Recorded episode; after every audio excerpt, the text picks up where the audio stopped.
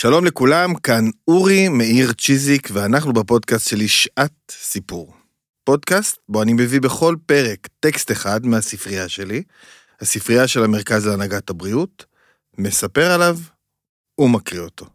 היום אנחנו בפרק 56, שבו נקריא את ההקדמה והסיכום של הספר על פני האדמה, שכתב אה, דיוויד אטינבורו. אני אגיד אה, ואני אספר קודם כל, אני לא יודע ממה להתחיל, אם להתחיל מהספר או מההוצאה. אז אני אתחיל בלספר שההוצאה שתרגמה את הספר הזה לעברית היא הוצאת אה, רדיקל. צריך להגיד שהוצאת רדיקל היא הוצאה שאני אני צריך לעשות גילוי נאות, שאני כותב בה את הספר הבא שלי. אנחנו נמצאים עכשיו, אה, אתם בטח תשמעו את הפרק הזה בחודש אה, אה, יולי, ואולי אפילו קצת לפני, ובדצמבר, ממש אחרי, דצמבר 2022 או ינואר, אמור לצאת הספר הבא שלי בהוצאת רדיקל, זו הוצאה שעוסקת ב... אולי אני אקריא מה ההוצאה כתבה על עצמה. הנה אני כבר איזה... רדיקלי, הוצאה ללא כוונות רווח. אבל עם כוונה אחת גדולה, להביא אל הקהל הישראלי את הספרים משני התודעה של היום, שטומנים בחובם את הרעיונות משני המציאות של המחר.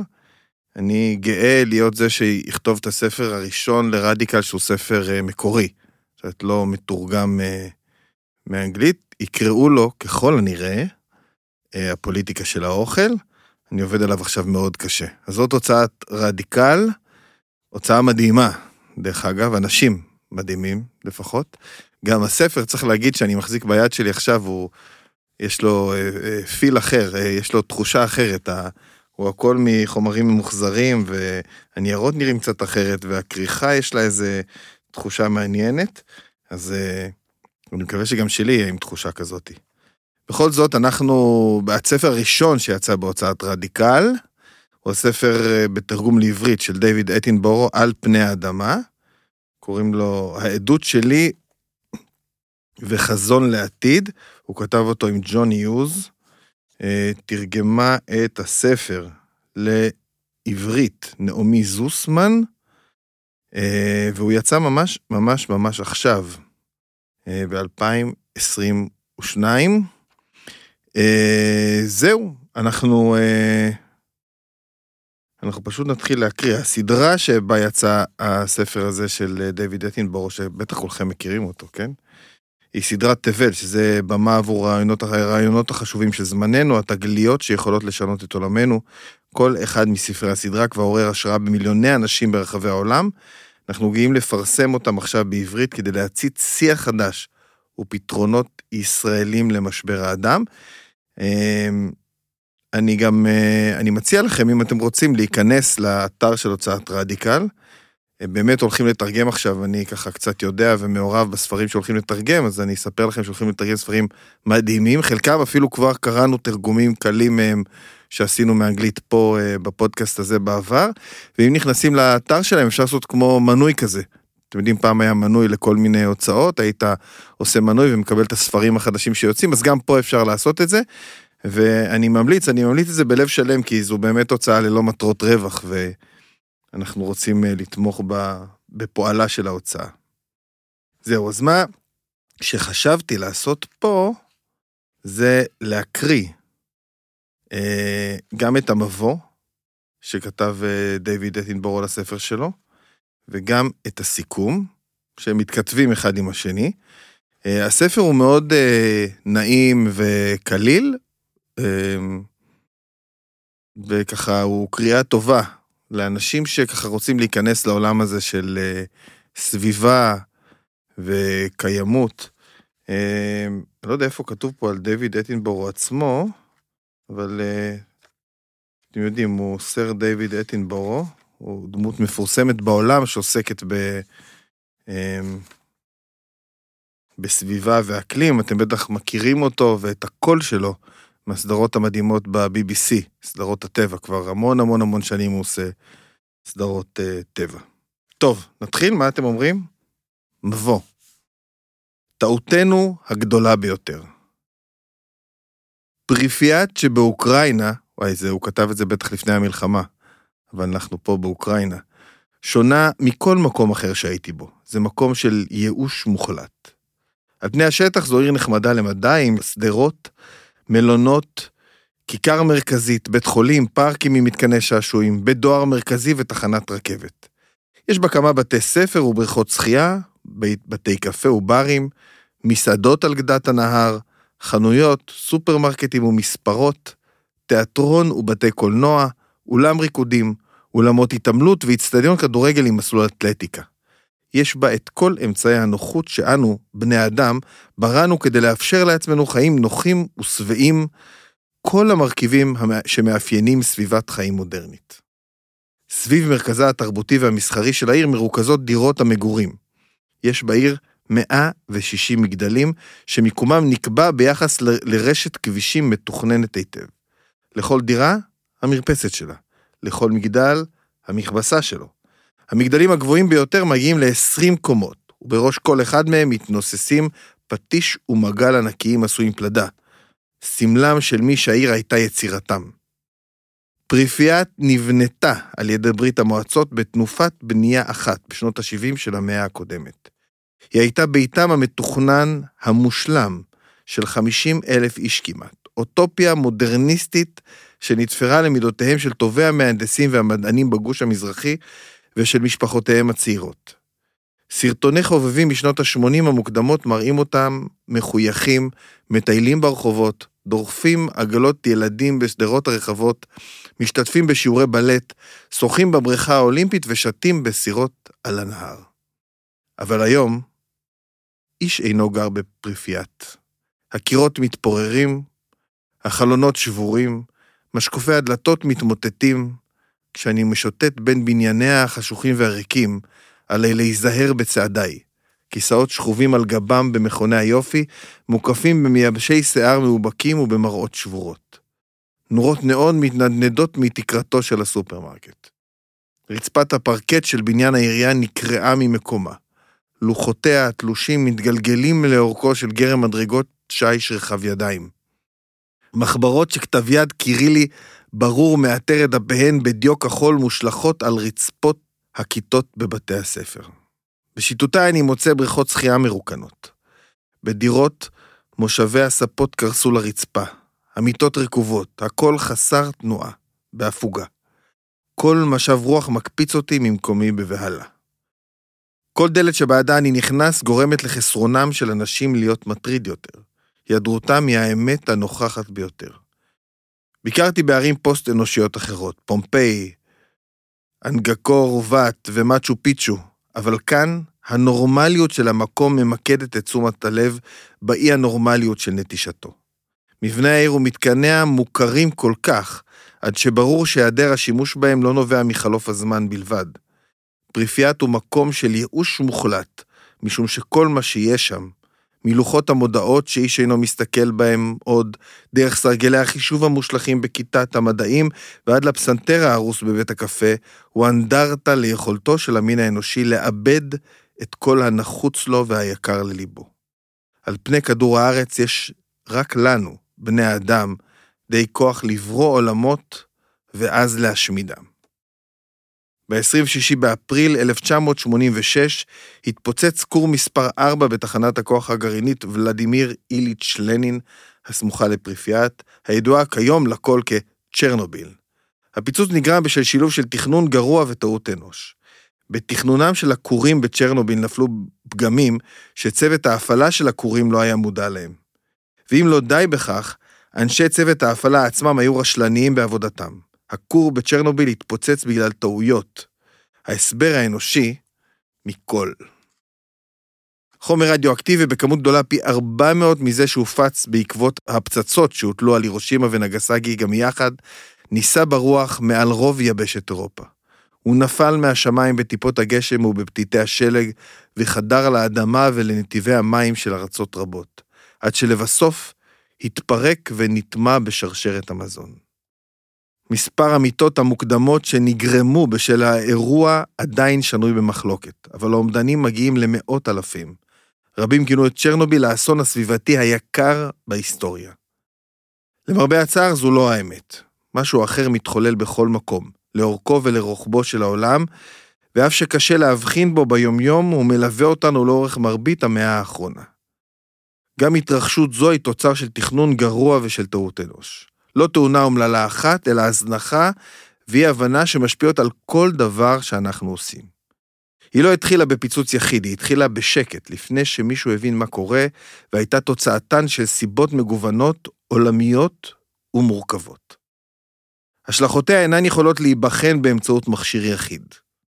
נדרשו מאות מחקרים בכל רחבי העולם כדי לאשש את עצם התרחשותה. השפעותיה יהיו עמוקות לאין שיעור מאלה של זיהום הקרקע ונתיבי המים בכמה ארצות חסרות מזל.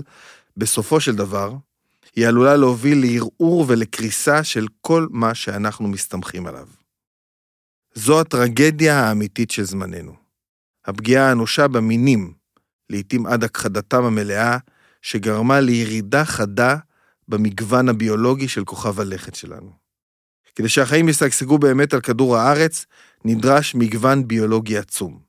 כדור הארץ אינו יכול להתנהל ביעילות רק כאשר מיליארדי אורגניזמים מפיקים את, את המרב מכל משאב ומכל הזדמנות, וכאשר חייהם של מיליוני מינים שלובים אלה באלה ומזינים אלה את אלה. ככל שהמגוון הביולוגי גדול יותר, כך החיים על כדור הארץ בטוחים ויציבים יותר. ובכלל זה גם חיינו אנו. ואולם אורח החיים הנוכחי שלנו, בני האדם, פוגע בזאת בדיוק, במגוון הביולוגי בכל רחבי העולם. כולנו אשמים, אבל למען האמת, זה לא בגלל משהו שעשינו. אדרבה, זה בגלל שרק בעשורים האחרונים התחלנו להבין שכל אחד ואחת מאיתנו נולד לעולם אנושי, שמעולם לא היה בר קיימא במהותו. אבל עכשיו, כשאנחנו יודעים זאת, עומדת בפנינו הבחירה. נוכל להמשיך ולחיות את חיינו, לגדל את משפחותינו, לעסוק בשלל ענייני החברה המודרנית, ולבחור להתעלם מהאסון המתקרב ובא. לחילופים, נוכל להשתנות. בחירה זו רחוקה מלהיות מובנת מאליה. בסופו של דבר, אין מעשה אנושי מלדבוק בחוזקה במה שאנחנו מכירים ולזלזל או לפחד ממה שאיננו מכירים. בכל בוקר הדבר הראשון שהיו אנשי פריפיאט רואים כשהסיטו את וילונות דירתם הייתה תחנת הכוח הגרעינית הענקית, שהייתה עתידה להרוס את חייהם ביום מן הימים. מרבית התושבים עבדו שם. מחייתם של האחרים הייתה תלויה במי שעבדו שם. רבים היו יכולים להבין את הסכנות הגלומות בקרבה גדולה כל כך לתחנה, ועם זאת, ספק אם מי מהם היה בוחר להשבית את פעולתם של הכורים. צ'רנוביל אפשרה להם ליהנות ממוצר יקר ערך זה, חיים נוחים. עכשיו כולנו אנשי פריפיאט. אנחנו חיים את חיינו הנוחים בצילו של אסון מעשה ידינו. אסון שנגרם על ידי אותם הדברים ממש, שבזכותם אנחנו נהנים מחיינו הנוחים. טבעי למדי להמשיך באותה הדרך, כל עוד אין סיבה משכנעת לפעול אחרת, וכל עוד אין תוכנית חלופית טובה במיוחד. זה מה שגרם לי לכתוב את הספר הזה. העולם הטבעי גובע. העדויות לכך סובבות אותנו מכל עבר. זה התרחש במהלך חיי. ראיתי זאת במו עיניי, זה יוביל לחורבננו. ועם זאת, יש חלופה טובה. אנחנו יכולים לשנות כיוון. יש לנו עדיין זמן לכבות את הכור. ספר זה מספר את סיפורה של הטעות הזאת, טעותנו הגדולה ביותר, ומסביר כיצד, אם נפעל עכשיו ממש, נוכל עדיין לתקנה. זה היה, זו הייתה הקדמה. אני רוצה להגיד הערת ביניים לפני שאני הולך לסיכום, שהתרגום פה מאנגלית, ואני קורא הרבה ספרים מתורגמים, הוא מדהים מבחינת ה... אז אני, אז אני רואה צורך במקרה הזה לציין שוב שתרגמה את הספר הזה מאנגלית נעמי זוסמן. טוב, עכשיו נלך לסיכום.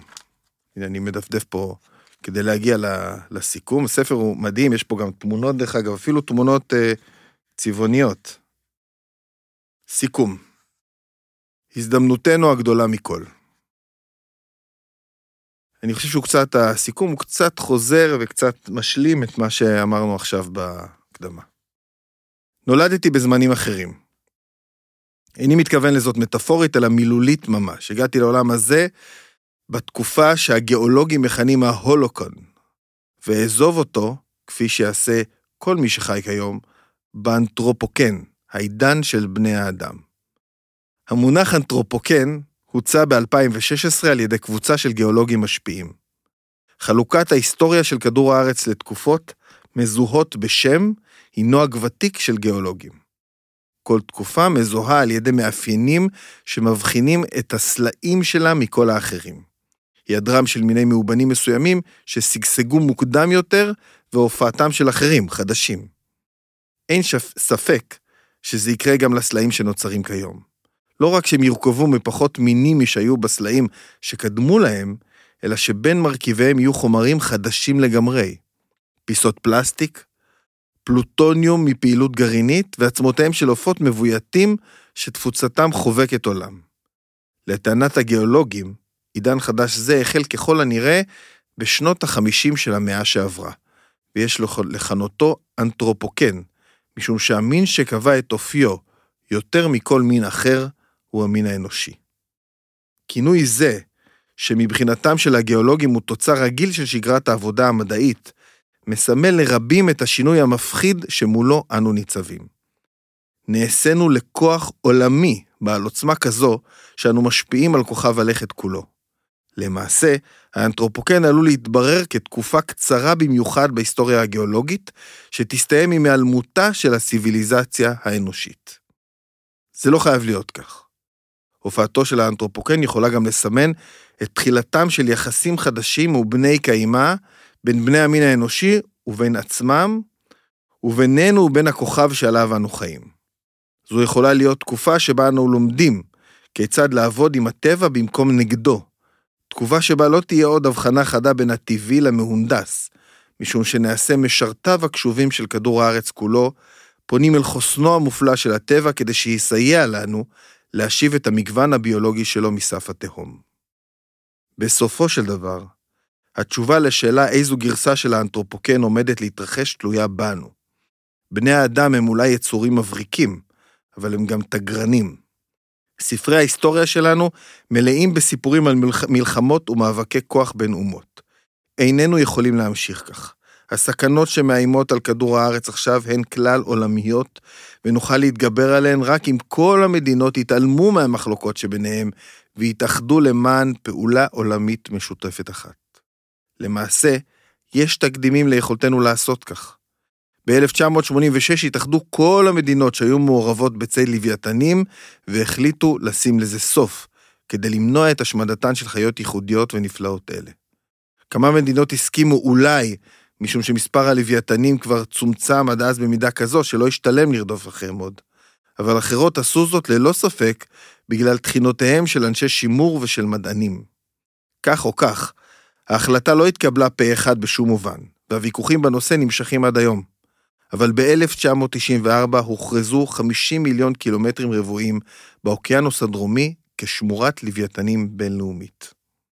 כיום, כתוצאה מהגבלות אלה, התרבו הלוויתנים והגיעו למספר שכמותם לא היו בהיסטוריה המוכרת לנו. וכך גורם חשוב ובעל השפעה בהתנהלותו של האוקיינוס שב ותפס את המקום הראוי לו. גם במרכז אפריקה, ששם שרדו עד שנות ה-70 של המאה הקודמת רק 300 גורילות ערים, נחתמו לבסוף הסכמים חוצי גבולות בין כמה מדינות. בזכות ההסכמים, והודות לעבודתם הקשה ולאומץ ליבם של דורות של עובדי שמורות מקומיים, חיים שם כיום יותר מאלף יצורים מופלאים כאלה. מכאן, שאם רק נרצה בכך, נוכל להתאחד על בסיס בינלאומי. ואולם מה שעומד על הפרק עכשיו אינם הסכמים שחלים על קבוצת חיות אחת ויחידה זו או אחרת, אלא על עולם הטבע כולו. כדי להצליח במשימה יידרשו מאמציהן של אין ספור ועדות וחתימה על אמנות בינלאומיות רבות מספור. העבודה כבר החלה בניצוחו של האו"ם. ועידות ענק, שבהן מעורבים עשרות אלפי אנשים כבר מתכנסות ופועלות. סדרה אחת של ועידות כאלה עוסקת בבעיות שנוגעות לקצב התחממותו המפחיד של כוכב הלכת שלנו, שתוצאותיו עלולות להיות נרחבות והרסניות ביותר. סדרה אחרת שוקדת על ההגנה על המגוון הביולוגי שבו תלויה רשת החיים הסבוכה כולה. קשה לחשוב על משימה מעוררת אימה יותר.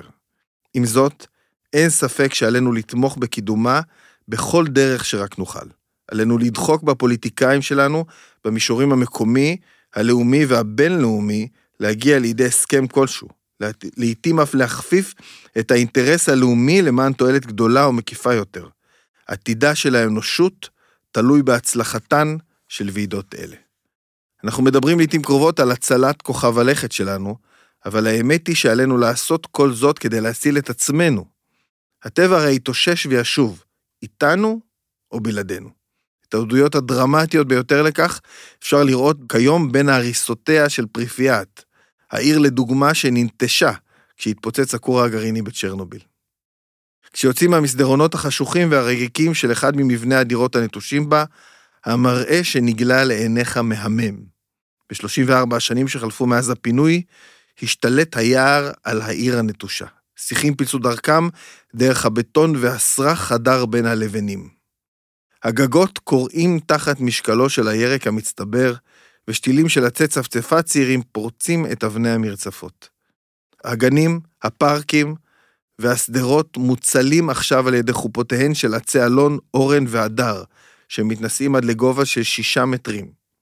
מתחתן צומחת תת-קומה משונה של שיחי ורדים פרועים ועצי פרי. מגרש הכדורגל שלפני 34 שנים שימש כמשטח נחיתה למסוקים צבאיים שנשלחו לפנות את תושבי העיר, מכוסה עכשיו בסבך של עצים צעירים. אין ספק, הטבע שב וביסס את אחיזתו במקום. הקרקע, ובכלל זה העיר והכור ההרוס, היו עכשיו לשמורה לבעלי חיים שנדיר למוצאם במקומות אחרים. ביולוגים מיקמו מצלמות סמויות בחלונות העיר ותיעדו אוכלוסיות משגשגות של שועלים, צבעים, חזירי בר, ביזונים, דובים חומים ודביבונים. לפני כמה שנים שוחררו שם מספר פרטים של זן הסוסים הנכחד כמעט הבז'בלסקי, והמספרים עולים כעת. אפילו זאבים התיישבו באזור, מוגנים מפני הציידים. נראה כאילו לא משנה כמה חמורות טעויותינו, הטבע ישכיל להתגבר עליהן אם רק ניתן לו הזדמנות.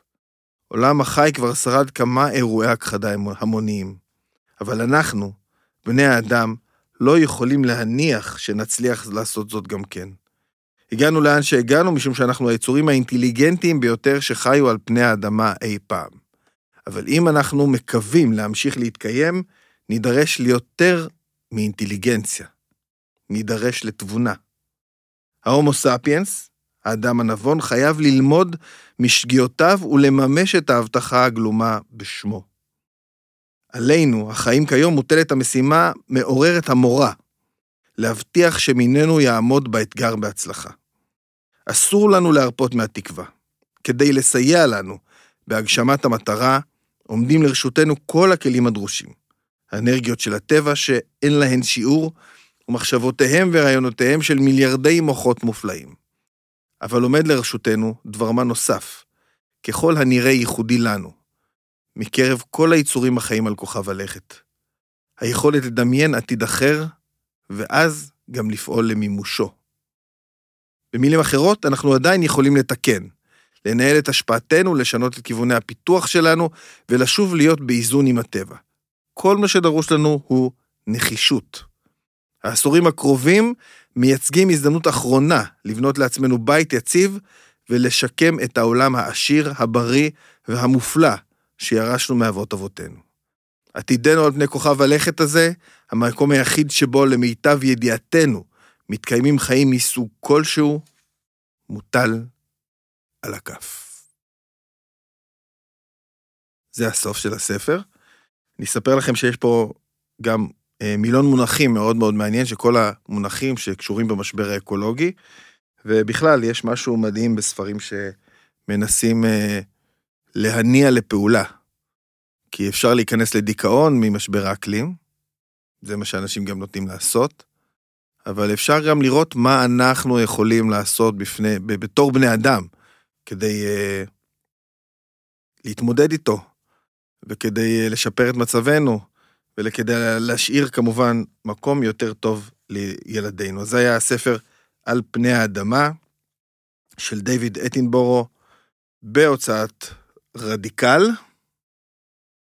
זהו, סיימנו. אני מזמין אתכם לעקוב אחרי הפודקאסט וגם לעקוב אחריי ואחרי הפעילות של המרכז להנהגת הבריאות, גם ברשתות החברתיות וגם באתרים שלנו. אני אורי מאיר צ'יזיק, ואנחנו ניפגש בפרק הבא.